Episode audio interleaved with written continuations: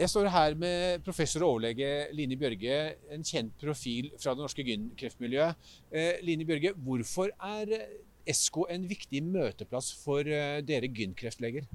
Eh, ESCO-møtet er et europeisk møte, og her møtes eh, fagpersoner fra gynkreftmiljøet fra hele Europa.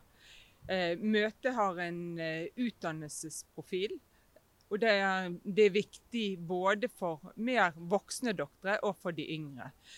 Eh, det er slik at eh, man eh, frem, Det her fremlegges europeiske retningslinjer for behandling og oppfølging.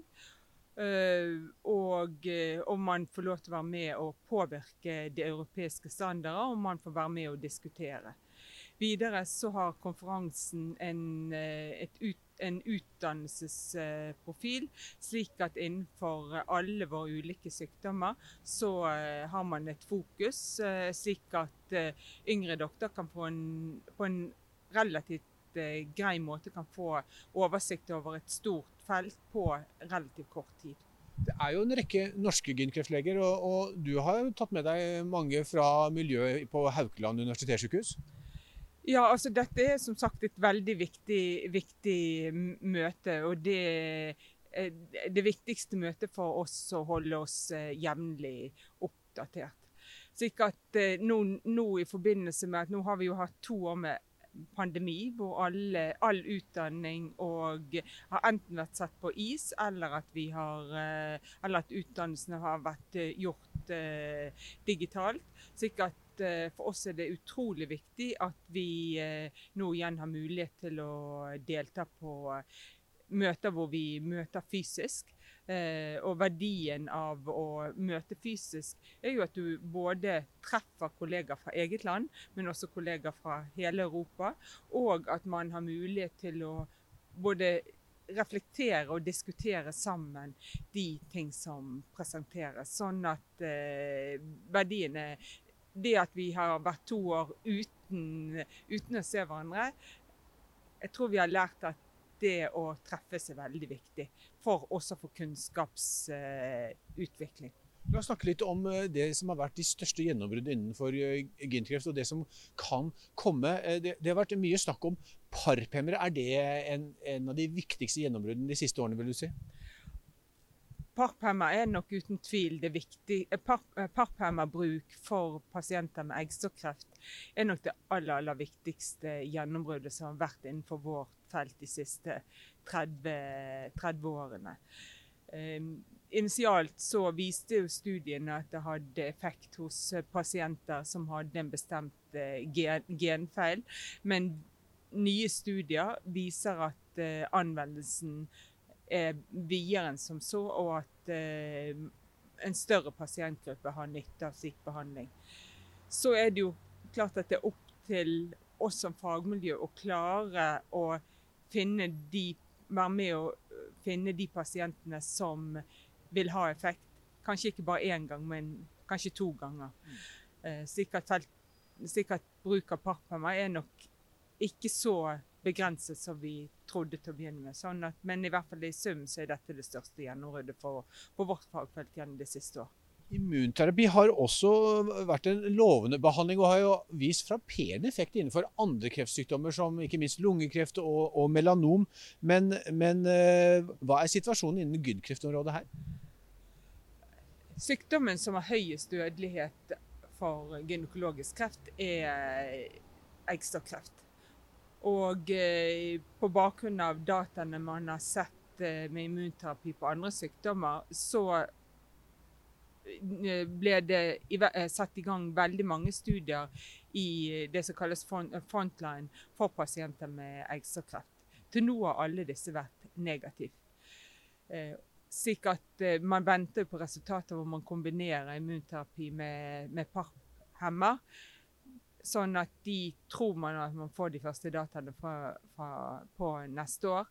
Men, eh, men gitt så eh, lite gevinst man har vist eh, så langt, så er det vel ikke å tro at effekten skal bli frapperende. Imidlertid så har man sett at pasienter med livmorhalskreft kan ha god effekt av eh, immunterapi. Og da spesielt pasienter som er såkalt biomarkørpositive, altså har en PDL1-positiv tumor. Og eh, det ble framlagt eh, store og gode fase 3-studier nylig. Og eh, det har vært gjort eh, mye jobb eh, også på myndighetsnivå i Norge, slik at man fikk gruppeunntak for pasientgruppen eh, allerede nå i, på forsommeren. Så den tredje store pasientgruppen for oss er pasienter med livmorslimhinnekreft. Der er det også eh, publisert eh, studier som viser god effekt av immunterapi hos pasienter i residivsituasjon. Denne, det har også vært søkt eller man har søkt både søke myndighetene om anvendelse av dette, mens eh, bruk av immunterapi for denne pasientgruppen har ikke møtt de eh, kravene som myndighetene stiller for godkjenning.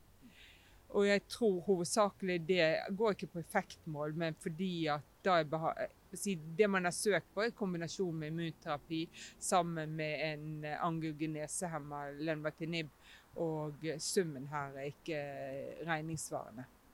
Men, men for utvalgte pasientgrupper med livmor slimhinnekreft, så har immunterapi avgjort en effekt. Slik at eh, der pågår jo ytterligere studier. Så får vi håpe at disse gir eh, gunstig, eller god nok effekt eh, til at eh, vi ved neste korsvei får dette også godkjent for norske pasienter. Hvis vi ser noen år frem i tid, hva tror du vil kunne være de, de, neste store gjennombrudd? Eller vil det være et slikt gjennombrudd å se frem til?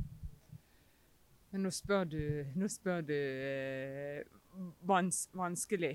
Den store pasientgruppen er, og den pasientgruppen med høyest dødelighet er pasienter med eggstokkreft.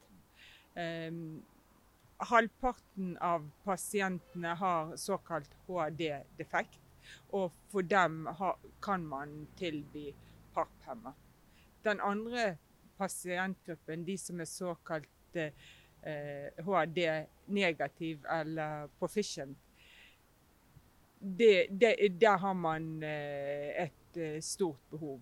Og jeg tror at mye forskning må rettes inn mot denne pasientgruppen. Og jeg tror at man må tenke veldig nytt hvis man skal eh, For å, å ikke løpe i, ikke løpe i, i flokk, men forsøke å tenke nytt for, for å ha hvordan man skal hjelpe denne pasientgruppen rent medikamentelt.